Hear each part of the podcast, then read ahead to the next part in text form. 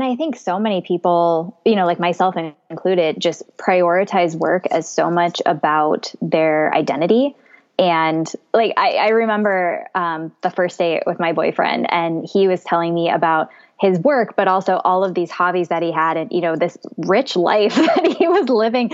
And then when it comes to me, I'm like, oh my gosh, all I have to talk about is my work. Like I spend so much time working. And truly, I loved my job for so long that it didn't feel, you know, a lot of my best friends were people I worked with. Like it didn't feel negative to me that work consumed so much of my life. Um, but when it started to feel negative, it just escalated quickly. You know what I mean? Because it was so much a part of my identity. It was like, well, gosh, if my uh, you know, 80% of my identity is in a really negative place right now, like I'm not a good person. I'm not in a good space. Welcome to the Women Inspired podcast, where together we explore ways to live our most joyful, aligned, vibrant lives. On this podcast, we draw inspiration from the lessons embedded in other women's stories, and we use them to catalyze our own growth and success and we explore concepts and techniques from the fields of psychology and design thinking that can help us thrive and make the most of the one and only life we're ever going to have. My name is April Seifert. I'm a psychologist, an entrepreneur, and a self proclaimed life experience junkie, and I'm your host and friend along this journey. This podcast is supported by Modern Well, a woman centered co opportunity workspace in Minneapolis, Minnesota. Friend, it is time to start living vibrantly by design and with intention. Here we go. Hey guys, welcome back to the Women Inspired Podcast. My name is April Seifert and I'm your host. And this week is awesome because you get to hear from one of my friends. It's going to be so fun. This week, you are going to get to meet a woman named Rachel Nearhood. And Rachel and I have known each other for a number of years, and I have had the pleasure of getting to see her throughout the entire span of her entrepreneurial journey. So, Rachel and I actually met when she was in a traditional job. And at one point, she and I sat down for lunch and she started talking about this idea that she had to start a company that was based around you know, early childhood education, so years zero through three, and a set of products that she wanted to develop to support kids during, and families, frankly, kids and families and parents throughout that important and formative time period she talked about this idea with so much passion in her eyes, and I just couldn't even handle it. I was so excited for her. And so it's really fun to have her on the show this week so she can talk about that journey. Now, the neat thing about what you're going to hear during this interview is you're going to hear somebody be very honest, very authentic, and very candid. This is not going to be a glossy uh, Facebook or Instagram photo image worthy explanation of what um, the pie in the sky view of entrepreneurship looks like. We're actually going to get into some things that are heavier and some things that came up for both Rachel and I. Frankly, I experienced a lot of the same things she did uh, when I left my job.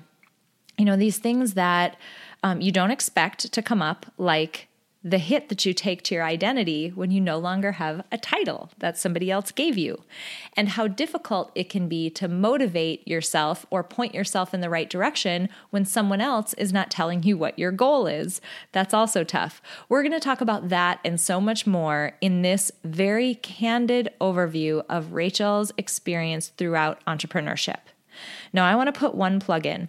I want you to specifically listen for the conversation that we talk about around how Rachel was feeling before she left or as she was on her way out of her traditional job.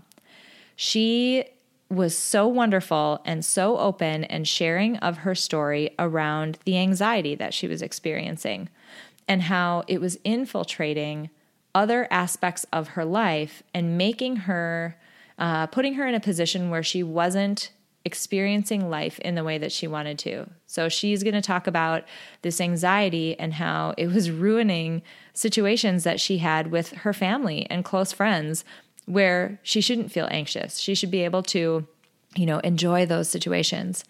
I want you to pay close attention to that conversation because each and every one of us have these times when we experience symptoms that indicate that something might not be as aligned as we want it to.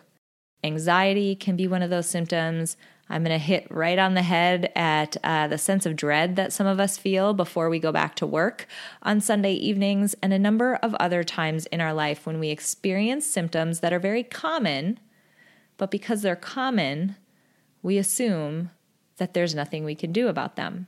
The very reason why Ashley Smith and I started Peak Mind, the Center for Psychological Strength, is because of this exact conversation. This is one of the key reasons because there are symptoms that people have that they could lessen through intentional work to become more psychologically strong.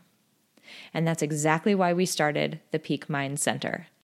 So, I'm excited about this conversation because it's so open and so authentic and so candid. But I'm also so excited for you all to understand that the feelings that you have that might be um, common that other people feel, you don't need to sit with them. You can do what Rachel did and made a li- make a lifestyle change. Or you can join us in the Peak Mind Center. If you go to www.peakmindpsychology.com, you can find out more information. Um, join us there and work on your psychological strength. One way or the other, just because most people are feeling anxious does not mean you need to. It's not normal and it's not okay. So I want to give you that permission slip to go work on that. All right, this is enough blah blah. I'm really excited for you all to meet my friend. So let's meet Rachel Nearhood. Rachel, I'm so excited that you're here on the show today. This has been a long time coming, and I'm so pumped we're finally talking to each other. Same here, April. I'm super excited to be here. Thank you so much for having me. And it's always a really, uh, it's always a really fun episode when I get to have somebody that I know and someone who I am friends with on the show. And so this is an extra special day because we get to dive into a cool story that I know a lot about, and I'm excited to share with people. So this is great. Awesome. So tell my listeners a little bit about just about you and help us get to know you. Yeah, so um, live in Minneapolis. I'm originally from South Dakota, so made a small leap over to a different side of the Midwest, but have been here. I went to school here and um, have kind of made my home here. And uh, just recently started uh, a company called Ellie Not. So we've created a series of books that follows families through the first year of their baby's life and um, helped to couple a lot of early childhood development principles and behavioral science in with um, not only how we wrote and illustrate the books, but also how we included different baby activities. So things to do based on your baby's development, um, different like playtime activities, and then also giving parents some strategies to work on their own skill building journey um, as they navigate parenthood, which is a pretty uh, interesting time. Yes, it is. I'm super pumped about this for for two reasons. One, um, I'm thrilled to get to tell people about your company and about the awesome products that you're putting out in the world. So we're definitely going to dive in there. But I'm also really excited because your personal story of becoming an entrepreneur is a really neat one. And you and I met actually prior to any of this happening, you were in a very mm-hmm. normal job. Um, and as we, you know, chatted, I think this this idea had been percolating, and and now it's fun to see it coming to fruition. So I'm wondering if you can take us back and give us a little bit of a deep dive into what were you doing before and how did this idea come to be? Yeah, absolutely. So um, before Ellie Not, I was at a healthcare, uh, like consulting healthcare product design firm um, for just over six years and joined the uh, research and strategy team. So before going to this company, I didn't even understand what design thinking was or product development or product design really and um, kind of serendipitously got hooked into this team that was um, pretty small and new that was really focused on the upfront research that goes into developing a product. And then certainly over the time that i was there moving into even services and kind of wraparound services that go with products. And it gave me such an interesting peek into one the world of healthcare which is insane and crazy interesting and also crazy scary in many ways. Um, but also gave me a really good lens into how important gathering that customer feedback is before you've made the leap into putting a ton of money behind a, you know a product direction or a service direction. And how to kind of go about getting those answers in a way that doesn't necessarily you know lead the consumer to tell you what you want to hear but really getting to the source of what their problem is and then finding solutions that um, can meet the needs that they are expressing and that um, you know hopefully they will pay for um, within that solution amazing. And so you so you were in that role and you're maybe the role itself might seem different to some people right? Like some people are in research other people are in maybe financial services or different kinds of you know office jobs. But the structure of your day was pretty typical right? 9 to 5 job went into an office you know worked with other people that type of thing there are components of it that were pretty structured in that you know we had an office. There was um, a lot of travel also involved mostly because a lot of the research that we did was really going into hospitals into patient homes and seeing firsthand either one how they're using a current product a competitive product um, or how they're you know completing the same sort of a task using whatever materials they have currently and then what could we maybe provide that would be um, better than you know with our current solutions. So there was a lot of travel which made it um, pretty interesting um, from like a day-to-day perspective of kind of where you were. And then um, the the cool thing about it truly and one of the things that i loved for a long time about that job was that it was very project based and so while the day to day, you know, the, we were doing um, the same sort of tasks over and over again, but it was always for a different um, a different topic, a different subject matter. So it felt like even though it was somewhat repetitive, it was always constant learning, which you know made kind of some of that day to day tediousness um, a little bit more exciting, just because you know you were learning about a new disease state or a new patient uh, profile or um, you know watching a new surgery, those sorts of things. So that sounds like it has uh, exactly nothing to do with with books and activities and toys for kids. How where did the idea for Ellie and Ott come from? Like where did you initially come up with it when it was like, huh, wouldn't that be interesting? So about so I've always loved education. Um, I would make a horrible teacher and never wanted to work in a school, but I've always been so fascinated by the um, you know the idea of learning and how impactful learning is on everything that you do in life and um, happened to meet a woman a number of years ago who um, was talking about early childhood education and um, so like that zero to three space like really really uh, early on and just got enthralled with the idea of um, how important those first three years are to later learning, to later development, um, but also how kind of uncharted that space is because in many respects like your child might be in daycare they might be in preschool around that time um, or they might be you know home with you.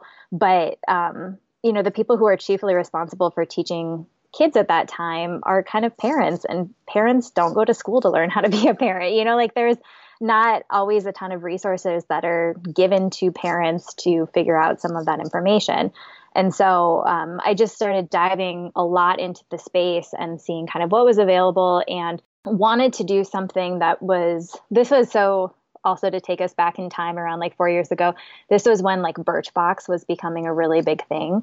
And um, that idea of like the monthly subscription and constantly getting stuff in the mail and like when Netflix, back when they used to mail you DVDs, like it was like those are the days. Time, right? um, and so I was like, well, gosh, wouldn't it be cool if you could get timely information that was geared around the age of your child and you know potentially came with resources or you know toys, things like that um, and the initial thought process that I had actually was that you would like report back data on how your child does in these activities, and we would build a bit of a profile for your kid that really talks about their learning style. And mm. so saying, here's how they learn best, here are the things that they're kind of interested in, and then imagining, you know, a world where they're placed into, you know, kindergarten teacher A's class versus B because of the way that they learn, and now they're being taught in a way that resonates with them, not so much. Um, you know just the one size fits all model that kind of currently exists in um, in education.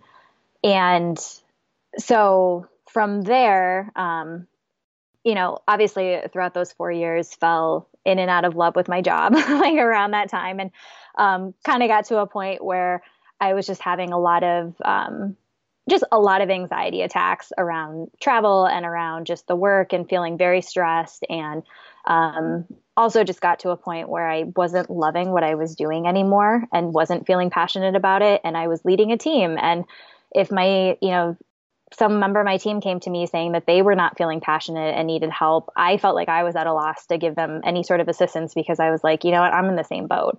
And it just was like, I'm not doing any service to my company, to my team. Um, I need to make a change. And even just like for my own mental health, like I, I needed to to do something different and really reprioritize my life. And so then this is all kind of roundabout way of saying like, um, you know, made the leap to do LA not full time um, talked to a number of parents and educators kind of in those four years and moved away from the idea of uh, doing activities and reporting back data for a couple of different reasons. Um, and then, so the idea then was that Not would be the subscription box that would just give you information on how your kid is doing. Um, sorry, not how your kid is doing, but just generally how your baby is developing and what are things that you can do to take action on this information. And very kind of I don't know, like it's so stupid, I think, to say, but this idea of, you know, when you put it out into the universe, I feel like the universe delivers.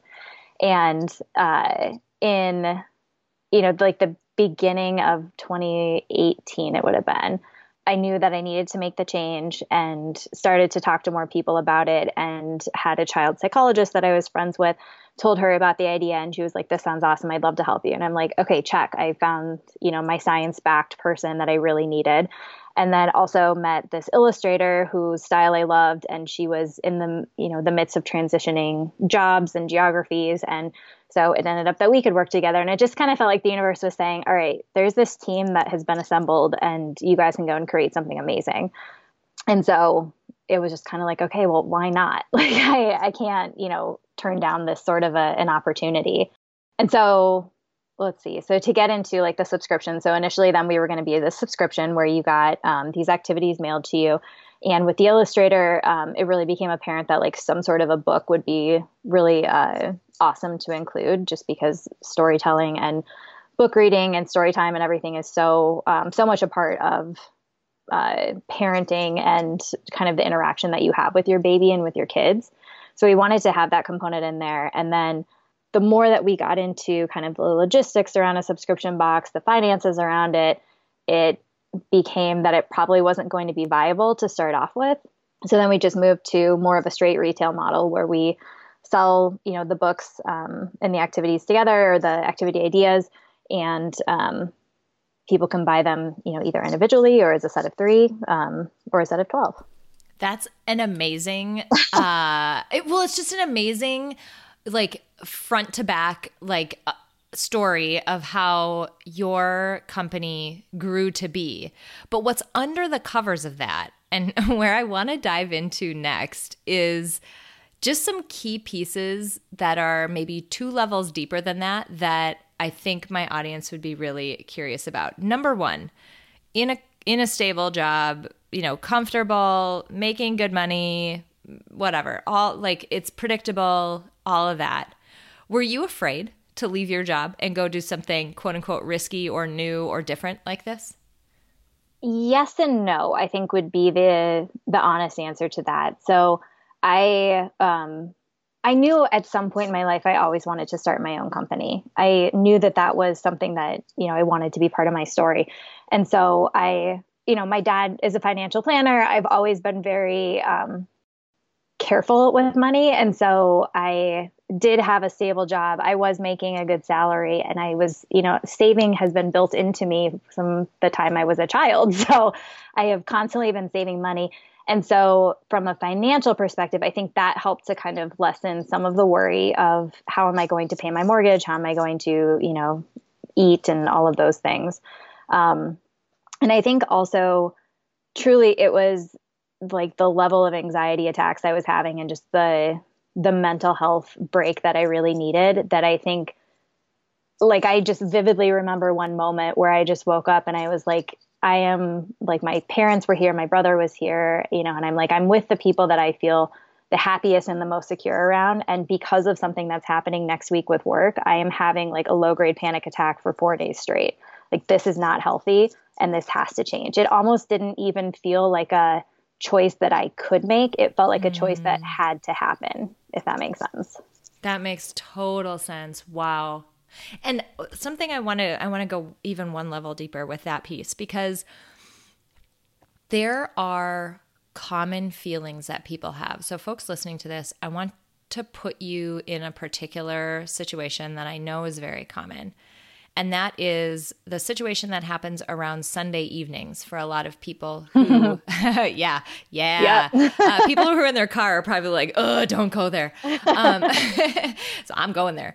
Um, Sunday evenings, you know, it's common that people who are in, you know, typical jobs, nine to five jobs where you're working Monday through Friday, that time frame is just tough for people, right? You just feel low grade, but anxious and a sense of dread. And it just isn't, I mean, it, it's not a calm, comforting time for a lot of people. And it repeatedly happens every single week. And what I think is interesting is there are some of these um, common and not insanely severe, but they're, you know, but they're fairly pervasive things that happen to people that just because they happen to lots of people, we assume that they're normal and that there's nothing we can do about them and that, oh, I'm just going to suck it up and I'm going to deal with it. When in reality, that feeling that you're having, that's anxiety. And the feeling that you're having could be lessened or alleviated in a number of different ways, but one of which it could be a signal that you need to make a change in your life. So I wanted to just call that out, like, because you recognize that in your own situation that, hey, things don't have to be this way. Just because lots of people feel anxious about their job doesn't make it okay. It doesn't mean that this is a healthy thing for us. And so, using that as a catalyst for change, I think is so incredible because so many people don't. They don't even recognize that it's an issue. Yeah, well, and I think so many people, you know, like myself included, just prioritize work as so much about their identity. And like, I, I remember um, the first date with my boyfriend, and he was telling me about his work, but also all of these hobbies that he had and, you know, this rich life that he was living. And then when it comes to me, I'm like, oh my gosh, all I have to talk about is my work. Like, I spend so much time working. And truly, I loved my job for so long that it didn't feel, you know, a lot of my best friends were people I worked with. Like it didn't feel negative to me that work consumed so much of my life. Um, but when it started to feel negative, it just like escalated quickly. You know what I mean? Because it was so much a part of my identity. It was like, well, gosh, if my uh, you know, 80% of my identity is in a really negative place right now, like I'm not a good person. I'm not in a good space. And having to separate, um, you know, some of that identity and association with, you know, being successful and being confident and being, you know, someone who can uh, like tell people what I do for a living and feel, you know, good about that and stuff. Um, letting go of some of that, I think was pretty difficult and um, something I had to work through, but also a very necessary key piece of being able to step away and say like prioritizing my own mental health is so much more important than feeling you know validated by this paycheck that i get. Hi friends. I have a very important announcement. If you caught episode 124 you know all about what i'm about to tell you. But if you haven't i want to make sure that you are in the know as of August 1st, the Women Inspired podcast will become the Building Psychological Strength podcast. This pivot will focus the content of the show around the concepts of psychological strength and intentional life design, the two topics I get asked about more than anything else. I'm simultaneously beyond excited, but also a little bit sad. I'm sad because I'm transitioning out of a brand that has become such a big part of my life. But I'm beyond excited to transition fully in a direction that'll serve you at an even higher level. And that's the whole reason why I'm here in the first place. So, a few things will change. You'll notice new cover art, a new title, and a slightly different feel to the podcast going forward. The content of the podcast will focus more specifically on aspects of psychological strength and ways to apply life design to your own lives. Again, the two topics that I hear from you about most often. But other things won't change. I'll still be here. Each and every week, I'll still have the same dedication to bringing you guests, information, techniques, and tools to help you thrive in your life. And I hope you'll continue to join me each week.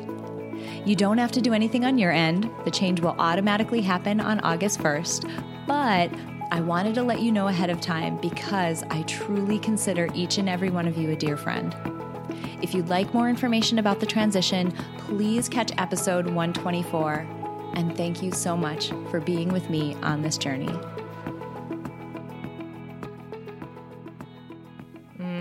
That was so huge. That's so huge. And there's there's a couple of pieces in there. One is that for folks listening who are thinking about leaving, you know, a, a more typical job and going into an entrepreneurial role, there are things that come up in that first couple of years, especially as you leave, you know, a, a more common job or a more common path that they happened to me too, and I didn't expect them. And one was what you're talking about the degree to which our identity is wrapped up in our jobs. I'm the insert your title of insert your department at insert your company. That sentence is so comforting. And the second piece that I want to call out is very related to this, but it's a distinct thing. Um, someone, I don't know whose quote it is. I have no idea. It wasn't me, but it was really relevant. So Google if you want to know whose it was. but they said, it's not always the fear of failure that we have, it's the fear that other people will see us fail. And so much about that identity, it's not you know there's there's a piece of it that's ours alone there's a piece of it that we have a tough time with because it's an identity shift just like and i'm sure we'll talk about this um, in a bit but when you become a parent, there's a lot of positive things around that, but the change in your identity into being one of a parent it's not easy to make that shift. It never is to change your identity in a significant way. So some of that is ours and it's individual. But there's a whole other layer that is other people's expectations, other people's judgments, other people's opinions, what they're voicing, what you think they're thinking, you know, like mm-hmm, your mm-hmm. assumptions about them. So much of that is so external, and we give that external stuff or our perception of what that external stuff is, we give it so much weight, right? Like oh, so much weight.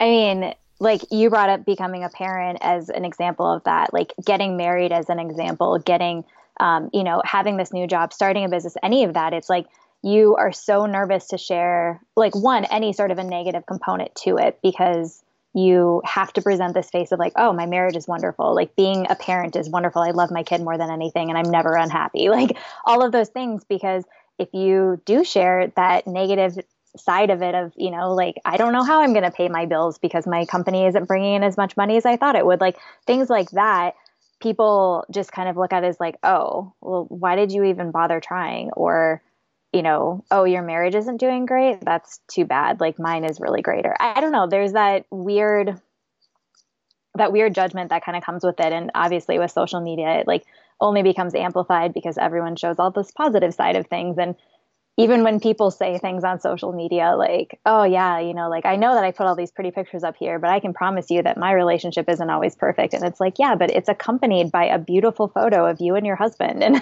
how can I trust that things aren't actually great all the time because you only talk about things being great all the time? And yeah, that's kind of a tangent, I think, from where you were going. But no, but it's related. It really is. All of that compounds into bottom line, as you move into this role, you pick up some amazing positives, right? Your your mm-hmm. day-to-day life changes. It's different. You have a lot more control, but you lose that easy to access and easy to explain to people identity. You also lose, and this is another question that I have for you around how you dealt with and maybe you loved it. I don't know. I had a little bit of a hard time in the beginning too. How you dealt with the degree of freedom that you end up having because up until this point, someone else has always been telling you what your goals are. And this starts uh-huh. when you're a baby, right? Your parents tell you what your next goal is, school tells you what your next goal is. You have graduations in front of you, and then there are, you know, work goals that people are giving you. Everyone else is telling you what direction to point and what you are trying to strive for. And then you start your company and it's literally you look at your calendar and it's a blank slate. And you can mm-hmm. put whatever you want on that blank piece of paper but wow is that a different experience. What was it like for you? Oh my gosh that truly if anything was my biggest fear in going to start a business. And one of the reasons why i hesitated for so long in doing it because I I work really well with other people. I work great on a team because I have other people holding me accountable and I can, you know, bounce ideas off of them. I'm a social worker in that sense, I think. And making the leap to this where I have, you know, the psychologist and the illustrator that I work with, but we're in different locations. We work pretty independently. Um, you know, I'm the only one who's full time on the business and am having to do a lot of those tasks, you know, on a solo basis. And that accountability piece of like i am the one telling myself these are the tasks to do today. And if i don't do them nobody cares and nobody knows that i didn't do them. And that lack of accountability was so hard in the beginning. And frankly it's still hard for me. Like that's something that i have to work through a lot of that freedom is great because i can you know, I go to the gym at 8 a.m. in the morning and I don't start work until 10. And being able to set the hours like that for myself has been wonderful to give myself kind of that report, reprioritization in my life. Um, but it's also been really hard because if I don't start work until 10:30, again, nobody's watching my clock and no one's saying that you need to get going. And so having to put all of that on myself is something that I think I struggle with every single day.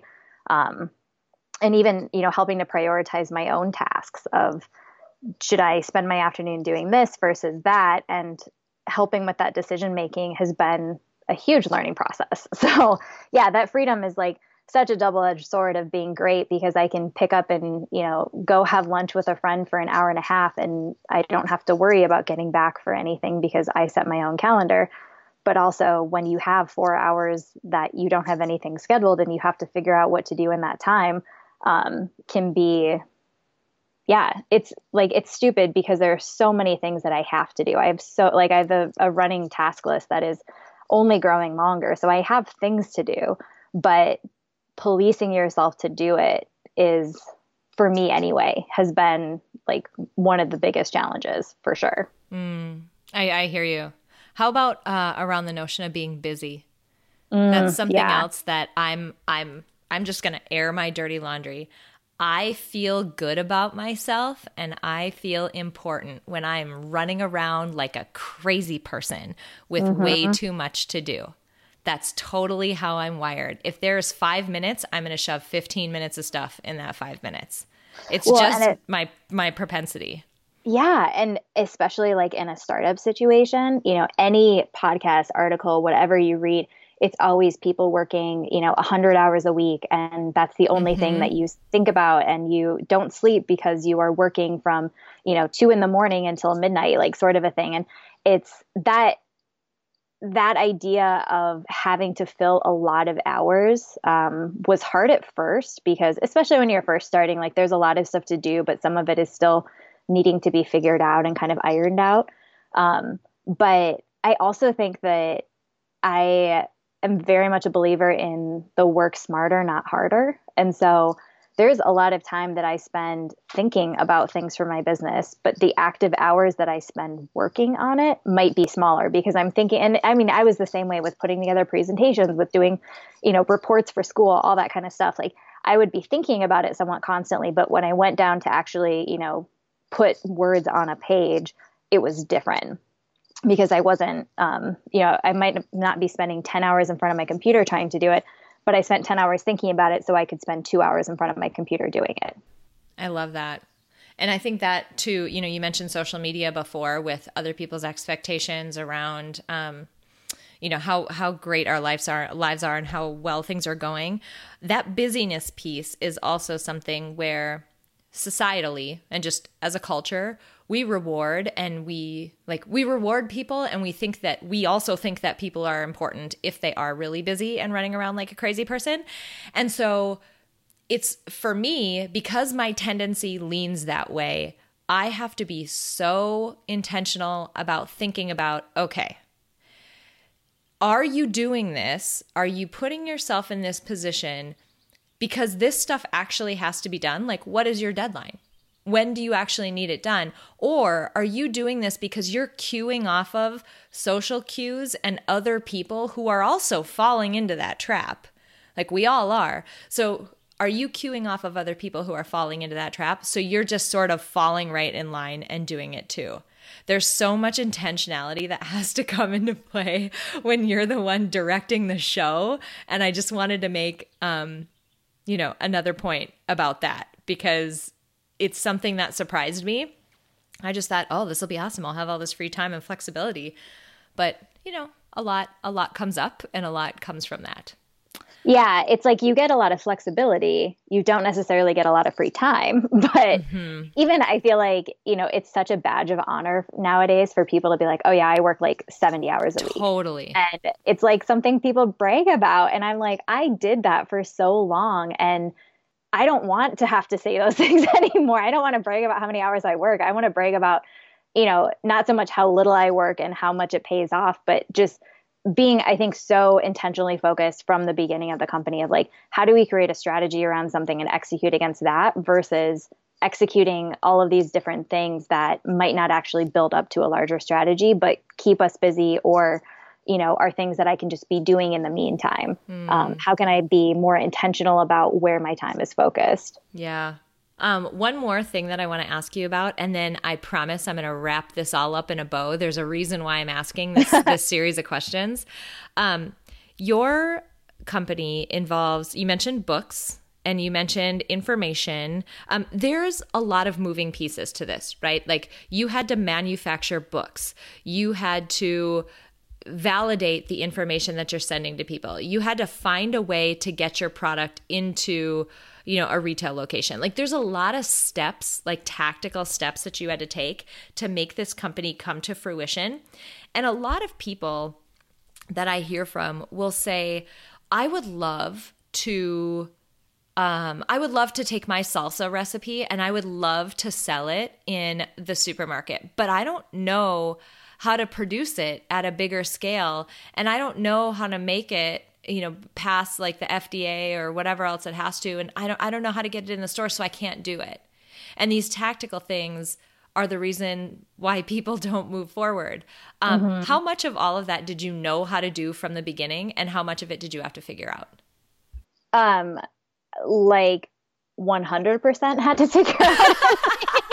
I'm trying to think if Thank there's anything that like, I can confidently say, like, yeah, I feel. I mean, I studied entrepreneurship in college, and granted, it's been you know 10 years since I've been out of college, but like, I kind of felt okay. There's going to be some things that I'm already going to have a handle on, and I like didn't at all feel that way. I mean, I even just in registering my business as an LLC, it was like, I, how do I even do this? Like, do I need a lawyer? Can I do it on my own? And ended up you know, very much overpaying a lawyer to do some things that I think ended up being pretty simple. But there was all of this just kind of shooting in the dark, a lot of Googling, a lot of, and I mean, there's a lot of resources out there when you start to look for them. Um, and everyone that I would talk to, and I would say, yeah, I'm kind of struggling with this, you know, it felt like there were a lot of people who would say, "Oh, I know someone who had to do something like that. I'd put you in touch with them." Or, you know, this is a article that might be interesting or a website that you might want to check out that has some good info. Like there was a lot of assistance I think I received from people, but even uh, like you talked about manufacturing the books. Like I initially was looking at doing more of a like a paperback sort of a book because I was like, well, doing a board book, I don't I don't even know how to do that. Like most printers don't even do something like that and then um, you know the more that i talked to consumers it was like well no if you're doing something for babies it has to be a board book. So then it was like okay i got to roll up my sleeves and really figure this out. And just started googling a lot of it. There's one board book manufacturer in the united states that i um, was able to get in touch with and you know ended up getting a lot of quotes from china and from this other manufacturer. And um, they've been pretty awesome to work with too, just because they, you know, this is the first time I've done any of this, right? Like they can kind of help us with templates and saying, all right, let's work back and forth and making sure that your book is how you want it to look, and you know those sorts of things. And so um, that that has been awesome to receive that sort of assistance. And I think also kind of putting it out there of, you know, not trying to fabricate like oh, I'm, you know, an old hand at all of this stuff, but really kind of being vulnerable with people and saying, this is my first time doing it. I need a little bit more hand holding and I need you to, you know, walk me through the process a little bit slower.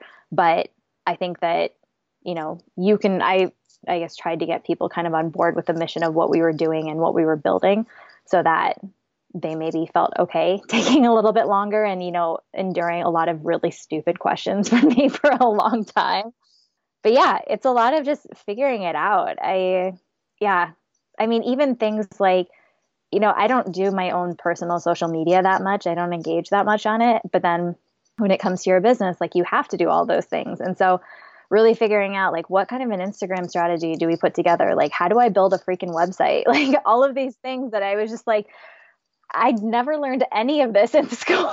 like, why didn't they teach me these things?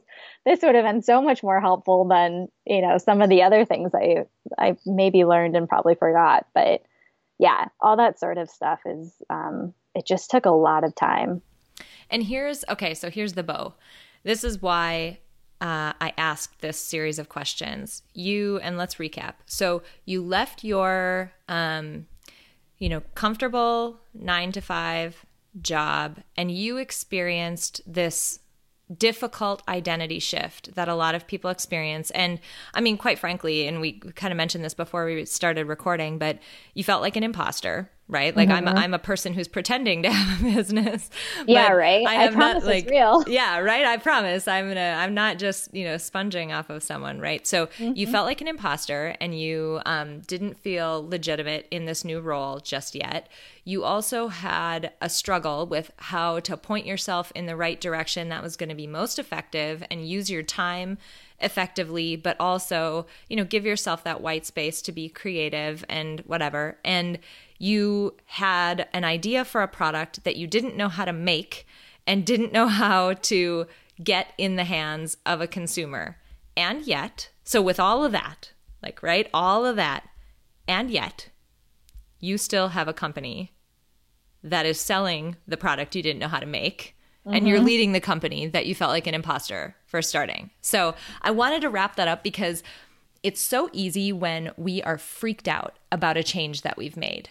Like we were scared of something new that we're trying, that sometimes we even subconsciously, we are looking for a reason, a point addable, logical sounding reason for us to quit so that we can go back and be more comfortable. And yeah. I just want to wave a big BS flag that none of these are those reasons because people Rachel's one of them, I'm one of them, and stinking every person who has started a business is them. Um, they're not reasons to quit. You just keep going and you just feel gross for a while until you feel less gross and eventually don't feel as gross at all. Um, so, yeah, in spite of all that, you have a company. So, I would love for you to tell us a little bit about it. Like, tell us about the products and tell us where we can find them. And I just give us all the details. Yeah, absolutely. So, um, so you can go to ellieandott.com, like Ellie the elephant and Ott the otter. So those are our two main characters. Um, we structured everything around um, this, you know, so the the three components of it, right? The book, um, the playtime activities, and the parent skills. But everything really has this core backbone uh, of science behind it. So, what is you know proven child development um, timelines and you know, kind of uh, basics within that because in no way are we reinventing child development, right? Like that's that's science. We're just taking that science and we're making it really digestible and giving parents information that is um, segmented by month. So we still kept, even though we didn't end up doing the subscription, we still kept that idea of a month by month kind of game plan that parents could use um, so that they knew when the information was most timely and gives them, you know, information of here's how your baby's developing, but even past that, because it feels like all of that information is out there, but having having the knowledge of how to take action on that information and incorporate that development into playtime is so important. And so many parents just don't have time to figure that thing out you know like especially when you've just had an infant like you don't have any time to be researching what are activities I can be doing. And then when, you know, if you go back to work, you also don't have a lot of time, but you have like two hours every day that you can spend with your baby and you need to make that impactful. And so giving parents really salient ideas of here are some things that you can do um, was really a key component of it. And then, um, we also wanted to give parents things for themselves. So that's where those, excuse me, the relaxation techniques and communication strategies and those sorts of things come in. We theme them each month. And so, um, like for instance, the first month is survival mode. So it's really just what are three strategies to help you survive this first month? Um, you know, we have like mingle mode is our month five. And so it's all about kind of how to feel about um, incorporating your baby's life with other people's lives um, and kind of, you know, refinding your own social net. Um, and then the stories themselves have some sort of an overlap between either the parenting theme or the baby activities. And even the books we took from a really intentional approach around um, how babies are developing. And so, like, our first book is all black and white because kids don't see color right off the bat or they can't process it very well. And so, it's high contrast, it's simple imagery, it's using text to even supplement some of the imagery. Um, it has a lot more text than what you would see in a typical children's book because right off the bat, kids can hear and they need to hear their parents' voice, but they can't see very well. And so if you're spending all this time trying to engage them with this beautiful picture book, like it's not going to work. So giving parents even a really empathetic view into this is how my child's like eyesight is developing and um, the things that I need to prioritize when I'm interacting with them um, is kind of what we've tried to do through the books and the stories themselves are very like parent related. Um, so, you know, like our first book is about Ellie's birth story. It's not a typical children's book story. It's told in a way that you can read it to your child and it's not inappropriate in any way, but it's also a story that is kind of like really there for the parent to say, this was a hard moment and you did it. And that's amazing. And, you know, like our second book is about um, Ott's parents struggling through the first month of, you know, their baby's life or the second month and talking about, will we ever feel productive again? Will we ever have a clean house again? Like things like that, that are stories that you will hear in every family from those, you know, stages of life and wanting to echo those back in a way that um, doesn't make light of them, but helps to I don't know, just kind of like share them in a way that feels more empathetic and um, relatable to parents because, especially at that age, like your kids can't understand anything that you're saying, but you can understand it and you're the one reading it. And so we wanted to give parents something that was also for them. Mm, I love that. There's so much thought that went into, and there, there's thought and nuance that goes into something that's so simple as a board book. Um, mm-hmm. It's just wonderful. Can you, um, Tell us one more time, gra- uh, give us your website one more time because I was just on it and it's so stinking adorable. you have to tell people where to, where to find it one more time. Yeah, it's Ellie and Ott. So E L L I E A N D O T T dot com. Um, and so we have all of the um, books and products up there. We're also, if you're in the Minneapolis area, we're in Pacifier and working to get into some other um, baby and children's books uh, or children's boutiques uh, in the cities. And then um, hopefully, you know, in the next few months, we'll be signed with a distributor and we'll have more kind of nationwide presence. Um, but until then, our website is the easiest way. And then potentially Amazon. Amazon's been a bit of a beast. So our website is for sure the easiest way to make sure that you get the most um, up to date content and the full line there. Amazing. As we're wrapping up today, I kind of want to bring this back to where we started. For people who are listening to this who are interested in starting something new, maybe you're not even going to quit your whole job, maybe it's something on the side. Rachel, I would love for you to share like what is uh, one one tip that you could give them to get them to the point of actually taking action? Like what's one thing that you can say to somebody who might be on that teetering point or sort of flirting with the idea of doing something that's this far out of their comfort zone? Hmm. You know, one thing I did that I think, um, ended up being really helpful for me. So in 2017, I told myself, because, you know, I had been thinking about some sort of an idea that related to this for a while. And I told myself in 2018, you need to make a decision on it. You don't have to do it, but you just have to make a decision because you can't keep it in the back of your mind and say, someday this will be a thing and tell people like yeah i want to start a business. Here's kind of the idea but i still need to figure some stuff out. Like i was like you just have to make a decision. You either have to go for it and do it. And that doesn't necessarily mean for everyone you have to like leave your job you know cold turkey and do this full time but you need to either take actionable steps towards it or you need to stop thinking about it because allowing yourself to think about it was allowing me to not have to make a decision but still feel like i was maybe you know pushing towards something in the future and for me, I'm a competitive person. And so I was like, well, if I'm going to make a decision, I'm probably going to end up doing it. And, you know, obviously with like the other stuff that was happening in my life, like it became apparent that that was a decision that absolutely needed to be made. Um, and ended up being made in like January of 2018. So it was, um, you know, I think I knew that the decision was going to fall one way versus the other, but I kind of also gave myself the out of, you don't have to do it. Like it's okay if you don't do it, but you can't keep telling yourself that you might do it because you just have to make a decision. Mm. And I don't know, that for me I think was was really helpful.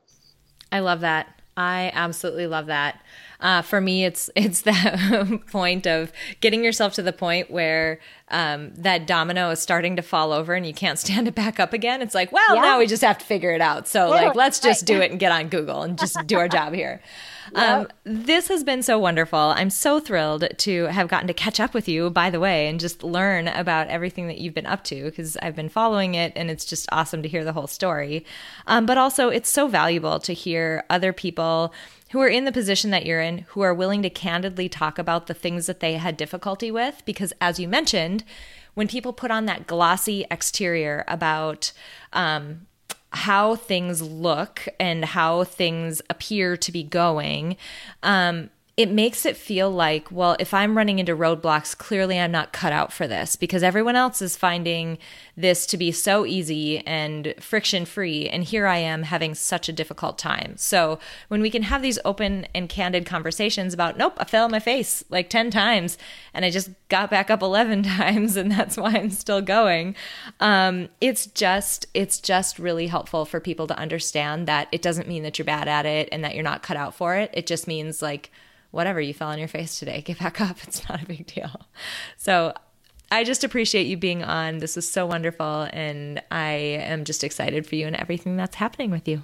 Yeah, thank you so much. It's like hilarious to me truly to be on a podcast called Women Inspired because like you are a woman who has inspired me for so mm. long that like it's I don't know. Like I feel like I should have just been interviewing you the whole time and maybe that would have been better. But well, Mutual no, Admiration Society. So this is awesome. You having me. This is this was awesome, April. Thank you so much. Isn't she awesome? And isn't that such a breath of fresh air? Someone who is willing to come on an interview like this and be so open and so authentic about the experience that they've had, both you know, the thrilling and amazing things like being free from the anxiety that she was feeling as a result of her previous job, but then also the unexpected and downsides, like feeling like an imposter when you're starting a company and have nothing tangible to show for it because you're in the very early stages and you're struggling through figuring out how to actually make the product or service that you want to put out into the world, how to actually make it happen. I mean, man, those things can make it really difficult to continue to move forward. And I just love that Rachel came on this show and was willing to be super open and honest about her experience and the fact that she experienced all that and is still going. So, Rachel, if you're listening, congratulations. We are all cheering for you. And I'm ordering your books to send to my friend who just recently got pregnant. So, I'm super pumped. All right, I want to hit two things before I close out today. Number one, Identity shifts. We talked about this a bit. And a while back, I did an episode purely on this concept of identity. So if you go back, let me peek. I believe it was episode 118. If you go to aprilseifert.com and search for identity, you will bring up that episode. I talk all about the importance of our own self identity and how that impacts our behavior, the goals that we set, how hard we'll persist at them, and ultimately how successful we will be. So, identity is a big, stinking deal. And because it's a big, stinking deal, when our identity shifts or when something happens that we aren't acclimated to, so Hey new parents, how you doing? I'm talking about you. Hey people who recently changed careers and are doing something different. I'm talking about you. What's up entrepreneurs who are just newly in their business? I'm talking about you. Hello newly married people. You guys are in this too. And so is everyone else who's experiencing the discomfort that comes with an identity shift even if it's one that you desperately want. So here's the thing you could be so excited to marry the person that you are about to marry. You could be so thrilled and so excited to be becoming a parent. Maybe entrepreneurship has been your dream for so long and you are so grateful that you're in it and that you're doing it. It doesn't mean that that identity shift isn't difficult and the fact that you're having difficulty with it is not a signal that you're not cut out for it. What it means is we all have a comfort zone. We all have a zone of, think like zone of authenticity. And our identity is one of the things that comprises the barrier that dictates what's inside and what's outside of our comfort zone. Our identity is a huge piece of that. And when something is outside of that, because it's new and you've never been in that situation before, You've never been someone's spouse before. This is different. You've never been someone's parent before. You've never been able to talk about your work without the comfort of a title given to you by someone else, which deems you worthy and valuable as a person. Not really, but that's what we think, right? When something operates outside of that comfort zone, we feel icky. There's not a better word for it. It just feels icky and disjointed.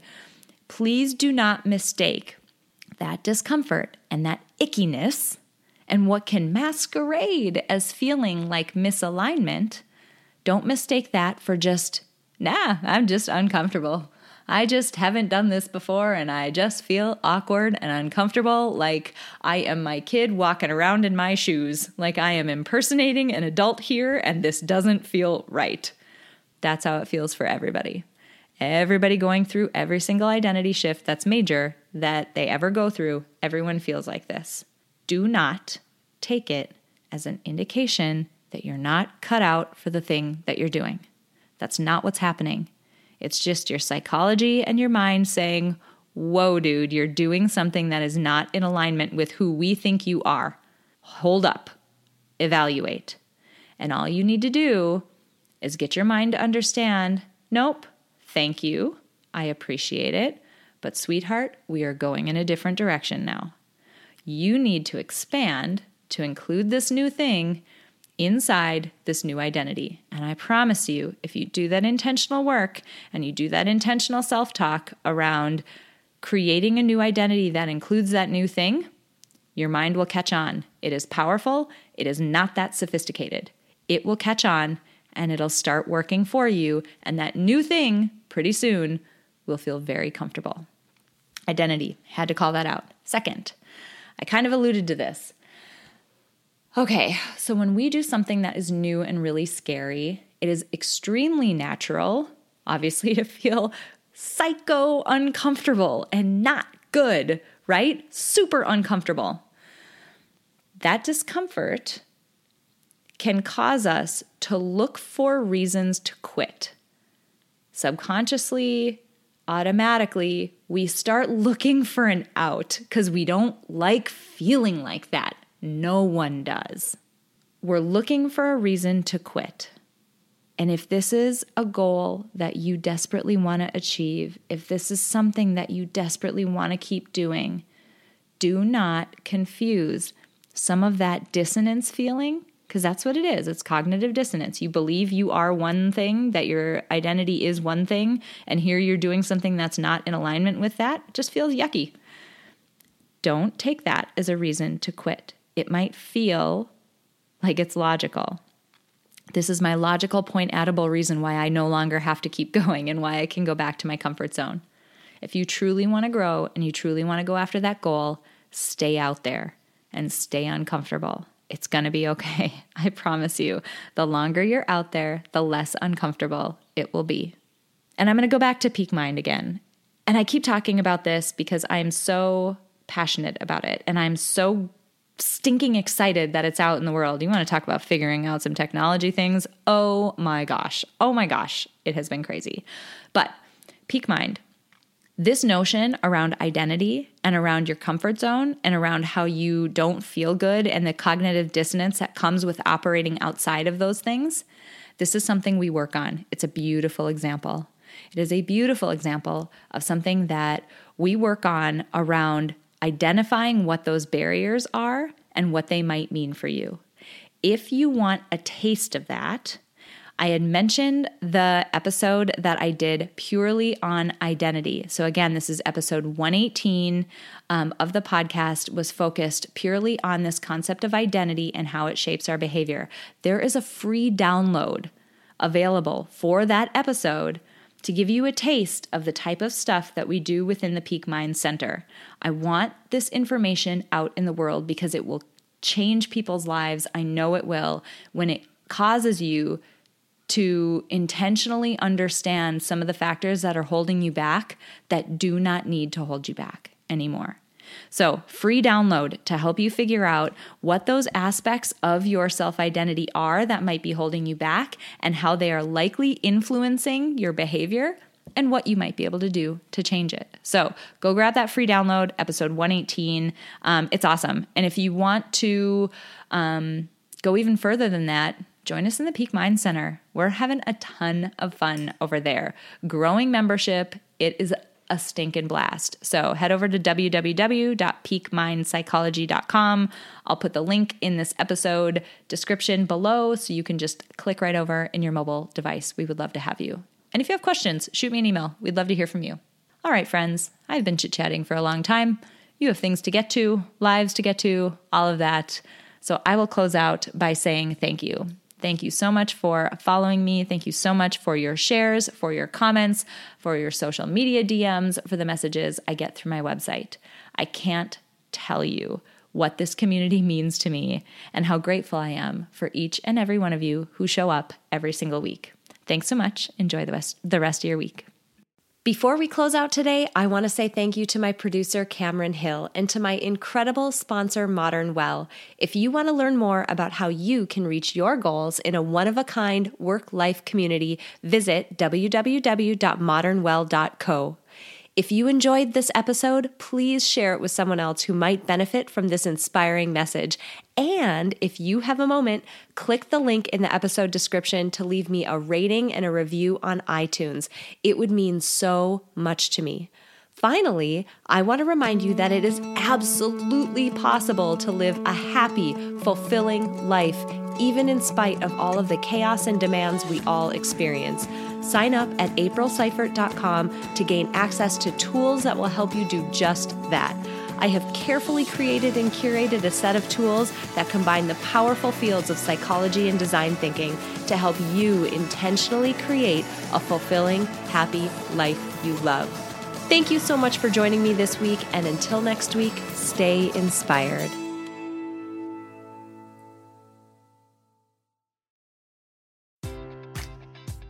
Enjoy all your favorite sports like never before at BetMGM. Sign up using code CHAMPION and receive up to $1,500 back in bonus bets if you don't win your first bet. When you register with BetMGM, you'll get instant access to a variety of parlay selection features, live betting options, and the best daily promotions in the business. And with BetMGM at your fingertips, every play and every game matters more than ever. Remember to use code CHAMPION and receive up to $1,500 back in bonus bets if you don't win your first bet. Place your money line, prop, or parlay bets with the king of sportsbooks today. BetMGM and GameSense remind you to play responsibly. See BetMGM.com for terms. 21 plus only, Virginia only. New customer offer, subject to eligibility requirements. Rewards are non withdrawable bonus bets that expire in seven days. Gambling problem? Call 1 800 Gambler. Promotion, promotional offer not available in Washington, D.C. At Parker, our purpose is simple. We want to make the world a better place by working more efficiently, by using more sustainable practices, by developing better technologies. We keep moving forward. With each new idea, innovation, and partnership, we're one step closer to fulfilling our purpose every single day. To find out more, visit parker.com/purpose. Parker, engineering your success.